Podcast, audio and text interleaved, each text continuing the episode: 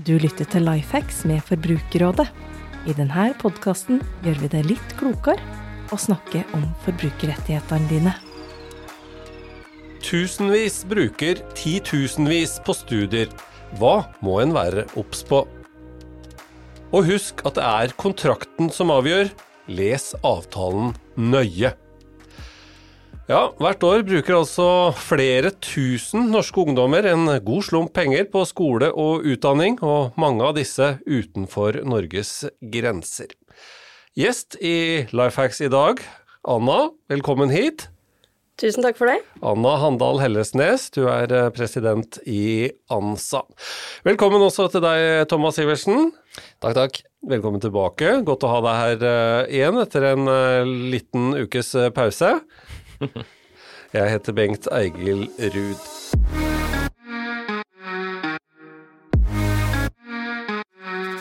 Ja, Anna, hva driver dere med i ANSA? For tiden kan jeg vel kanskje ikke si, for dere har vel et løpende arbeid som går jevnt og trutt? Ja, det har vi absolutt. Vi er jo samskipnaden for norske studenter i utlandet, så vi tilbyr jo mye velferdstjenester til de tusenvis av studentene som er ute. Så er vi også et nasjonalt informasjonssenter så i disse dager så er det jo bl.a. mye studiemesser, og det å fremme muligheten til å studere i utlandet. Og så er vi interesseorganisasjon for norske studenter i utlandet og jobber mye politisk med mm. bedre rettigheter og tilrettelegging for norske studenter som studerer i utlandet. Ja, da har dere nok å holde tak i? Absolutt. Hvor mange medlemmer er dere hos dere for tida? Eh, rundt 13 500 medlemmer har vi. Det vil si at brorparten av de som er ute til enhver tid, er, er medlemmer hos dere? Absolutt, så vi har en veldig god dekningsgrad. Og vi dekker jo alt fra videregående utveksling til ph.d., og alt mellom der også. Ja. Du er jo en uh, ung president, men uh, har uh, rutine på området. Hvor, hva, hva, har du gjort av studier? Jeg var på utveksling på videregående på New Zealand, andre året mitt der. Og så har jeg en bachelor fra Edinburgh i Skottland. Så du har trivdes utenlands? Ble bitt av basillen da jeg var eh, på utveksling på videregående, så jeg tror ikke jeg så på studier i Norge engang. Jeg. Det var tydelig at jeg skulle ut. Ja, det betyr jo at du er engasjert og har kompetanse for eh, de tinga du holder på med. Ja, absolutt. Ja, er det lett da å være dere? Du snakka om at det er jo tre felt dere holder på med. Er det sånn at det er mye hygge og folk flest har det bra når man er norsk student eh, hvor man nå måtte være, eller er det en del å ta tak i? Vi ser jo absolutt at de fleste har det veldig bra når de studerer utlandet. Eh, det kom jo i høst en student, studentenes helse- og trivselsundersøkelse kom i høst. Og den viste jo at utenlandsstudentene bl.a. er de som scorer høyest på trivsel på studiested og trivsel i studieby. Så vi vet jo at de fleste har det veldig, veldig bra. Eh, og så har vi gode tilbud for de som møter på utfordringer i løpet av studietiden, som sosialveileder og gratis psykologtjeneste. Hva hører vi om da, Thomas, når eh, Forbrukerrådet får eh, henvendelser? For de er ikke øverst på statistikken hos oss, men studenter tar kontakt med oss også av og til når de har, har problemer. Ja, når, når vi snakker om henvendelser, så er det jo alltid viktig å ha i bakhodet hvor stort marked vi, vi, egentlig snakker om. Og hvis vi snakker om utdanning, så har vi jo betalbar utdanning i form av både norske privatskoler, men også selvfølgelig studier i utlandet. Norske privatskoler har jo en veldig lav andel av alle norske elever. Under, under 5% av alle norske elever går på betalte privatskoler i Norge. Mens, uh, mens for utenlandsstudier så er det jo, jo, litt annerledes. Enten det er utveksling eller hele, hele studier, så er det mellom ja, mellom 13 og 15% av alle elevene som fullfører en grad, er jo i dag vært ute minst eh, en, en periode, i hvert fall. Da. Og Her er det viktig å huske også at det er et uh, uttalt mål fra myndighetene om at flere skal ta et utvekslingsopphold i utlandet mens de fullfører graden sin. Det første målet er 20% av, av studentene. Mens uh, langtidsmålet er faktisk at halvparten skal ta et, en tur ut i løpet av studietida. Mm. Vi eh, i Forbrukerrådet vi har mottatt rundt 100 spørsmål i året ca. om eh, studieopphold i, eh, i, utlandet. Det er ikke sånn spesielt mange, men de som tar kontakt, har ofte relativt krevende problemer. Problemer på bosituasjon, studieløp som ikke er som forespeilet, behov for hjemreise, spørsmål om forsikringsdekning Og særlig også i forbindelse med koronapandemien så ble jo svært mange studieopphold enten helt avlyst eller veldig, veldig avkorta.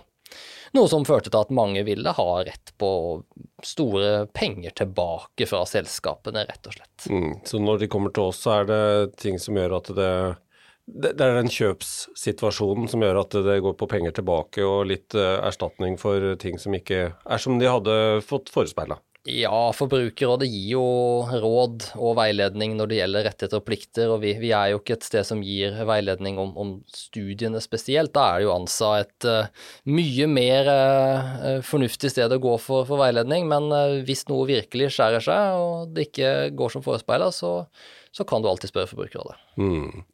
Ja, for dere, Anna, kommer inn i bildet hvis det er mindre ting og praktiske ting og tong som lar seg løse der de er. Er det, er, er det mange? Vi får jo en del henvendelser, eh, og noe av det som kanskje er kulest med ANSA når du er ny student i utlandet, er jo det nettverket du har. Vi har jo 22 det vi kaller ANSA-land, hvor vi har tillitsvalgte som drifter et til landsstyret. da. Og de kan man jo ta kontakt med med spørsmål om alt fra bolig til byråkrati. Eh, det er jo flere land som har ganske eh, traurige byråkratiske prosesser. Mm. Og da kan du ta kontakt med studenter som har vært igjennom det før, og få tips. Og også bare det hvilke mobilselskap, eh, bank, burde man bytte til eh, bank i det landet man er i, osv. Så, videre. så vi har et veldig solid nettverk der, da. Sa du 22 land? Er det så mange hvor det er mange norske, da? Sånn at dere har nok til liksom å ha et eget apparat? Ja, det er riktig. Det er 22 ANSA-land, da. Og to av de er da regioner. Og ellers kan dere hjelpe de som er andre steder òg, men da har dere ikke, ikke, det samme apparatet på stedet, men da sitter dere her i, i Norge og kan, kan, bidra. Absolutt. Så ikke nødvendigvis samme apparat og tillitsvalgte der, men det er flere steder vi har kontaktpersoner, da. Som er studenter som har sagt at de ønsker å bidra. Hva slags utfordringer er det man møter på når man er ung og lovende og skal ut kanskje for første gang og plutselig klarer seg helt på egen hånd? En ting som vi ser er at det er viktig når du reiser ut, at du har gode økonomiske rett, altså, eh, systemer rundt deg. Og det er jo noe det vi jobber mye med som politisk organisasjon også. Å sikre at alle i utgangspunktet har muligheten til å reise ut, da. Um, men vi merker jo f.eks. land hvor du skal reise og trenger visum, så er det en, et ekstra steg.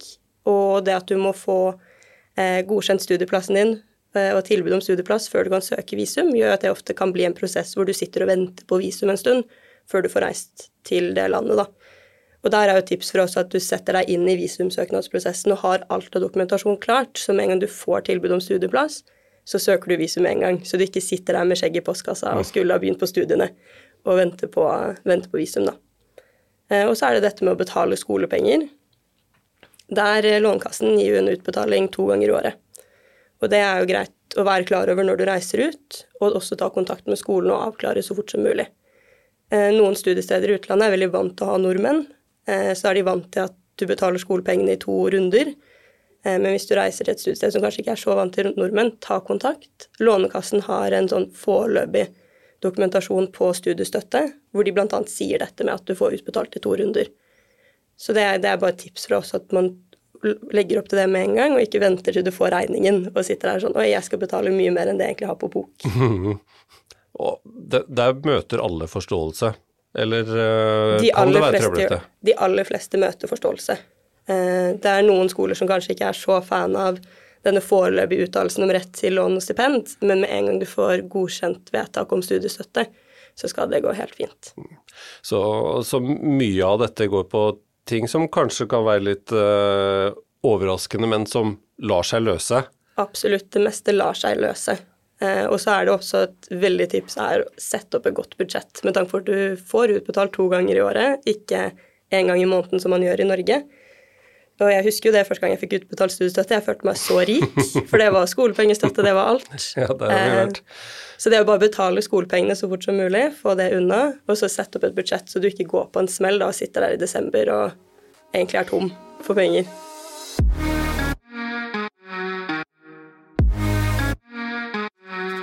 Litt, litt, kort om forskjellen på utenlands og i Norge, Thomas, når det gjelder rettigheter. Vi snakker om skolepenger og sånt her. Det er jo det samme, men eh, har vi forskjellige rettigheter eh, når vi forholder oss til eh, disse skolene, eller kanskje den som arrangerer oppholdet mitt? Når det gjelder rettighetene her, så er det jo viktig å huske på at det innholdet du, det du har kjøpt eller bestilt av studieopphold, enten det er et utvekslingsopphold eller en privatskole, da er det i praksis avtalen og det du har kjøpt som, som styrer hva du har krav på. Og i motsetning til veldig, veldig mange andre ting du kjøper her i, her i landet, så er det ingen eh, spesiell vernelov, som vi sier, som, eh, som beskytter elever som enten er på utveksling eller, eh, eller som har kjøpt privatutdanning i, i Norge. Det betyr at kontrakten, den avtalen du signerer og vilkårene som følger med der, den skal og må regulere også de gangene der ting ikke går som det skal. Mm. Og Det kan typisk være at man f.eks. markedsfører med en spesiell foreleser eller en spesiell kursholder, og det kan jo særlig kanskje være innenfor, uh, innenfor, kunst og kultur. At en kjent kunstner eller en kjent artist skal, uh, skal, være en del av opplegget. Hvis den da ikke kan delta, så er det typisk noe som bør resultere i et prisavslag, f.eks. Men da må det være regulert i kontrakt. Hvis ikke så man over på dette ulovfesta, litt diffuse greiene vi snakker om av og til på podkasten, og det er vanskelig å drive og slå i bord med. Mm. Og der er vi tilbake på det jeg starta med også, at kontrakt og avtaler er uh, viktig, og det er jo du flink til å understreke eh, hver gang, og det gjelder veldig her. Det gjelder veldig her, og her er det viktig å lese gjennom eh, utkastet du får, selv om eh, det ikke alltid er så lett å, liksom gå inn og gjøre justeringer i den kontrakten overfor en stor næringsdrivende, så, så bør du i hvert fall lese gjennom og, og, se hva du forholder deg til. Og det kan jo typisk også være avbestillingsrutiner hvis du har behov for å trekke deg, hvis det er et uh, poeng. I tillegg så skal det også gå fram uh, f.eks. studiepoeng og en del andre viktige parametere som, som, er helt avgjørende for deg. Altså, det finnes jo en del studier uh, som ikke nødvendigvis gir gir grader som du kan få konvertert til norsk, norsk modell med en gang. Og da skal jo det komme tydelig fram. Og, og, det har vi hatt et par henvendelser på, eh, husker jeg tilbake i tid i hvert fall, der man eh, i utgangspunktet fikk beskjed om at dette her var noe som, som kom til å telle på, på, graden i Norge, men så viste det seg at det ikke var tilfellet likevel. Mm. Er det noe som uh, går igjen? Anna? Ja, dette med konvertering og godkjenning, absolutt. Ja, Litt at du velger de riktige fagene, eller får, får, får godkjent det du, det du tar, da? Det er absolutt noe vi, vi også får henvendelser om. Eh, får henvendelser om dette med forhåndsgodkjenning, er det mulig å få? Vi representerer jo bl.a. en del medisinstudenter i utlandet, mm. hvor man ikke får noe forhåndsgodkjenning, men du må fullføre hele studieløpet og så få godkjent når du kommer hjem. Eh, så det er jo noe vi merker. Men også dette med studieavbrudd og sånn, så er vi veldig opptatt av at våre medlemmer har en god forsikring, som da dekker dette med studieavbrudd. Eh, og vi har jo tilbyr jo våre medlemmer en egen forsikring som bl.a. har dette dekket da, på innbakt. Ja, for det er det som selvfølgelig kan oppleves som veldig dyrt hvis man, eh, hvis man av en eller annen grunn må, må avbryte. Absolutt.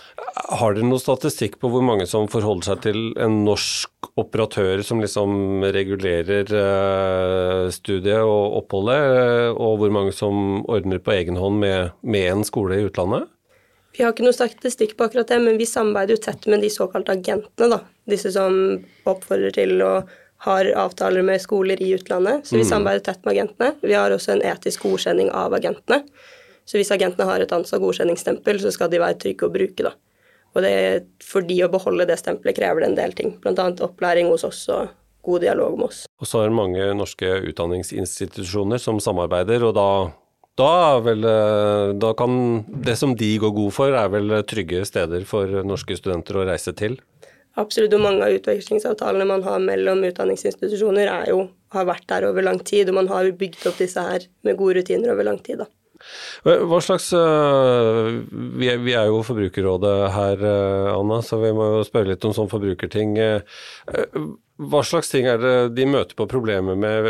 De skal jo leie et sted å bo, noen bor på campus, noen må ha egne leiligheter, kollektiv kanskje med folk de aldri har sett før. Forsikring har du vært litt inne på. Hvor er det utfordringene for norske studenter som forbrukere her møter på? Akkurat dette med bolig det er jo også i Norge generelt. Som student så du har ikke verdens største økonomi, og du skal inn på et boligmarked hvor du kanskje ofte er den, den svakere part her, da. Eh, et tips fra min egen personlige erfaring var at jeg studerte i UK, hvor man har garanti for å være på student accommodation det første året. Mm. Da følte jeg meg veldig trygg, for da måtte jeg ikke komme meg inn på et leiemarked eh, uten å ha sett ting på forhånd. Og det er jo en anbefaling fra oss ikke leie noe på en måte usett så langt det lar seg gjøre.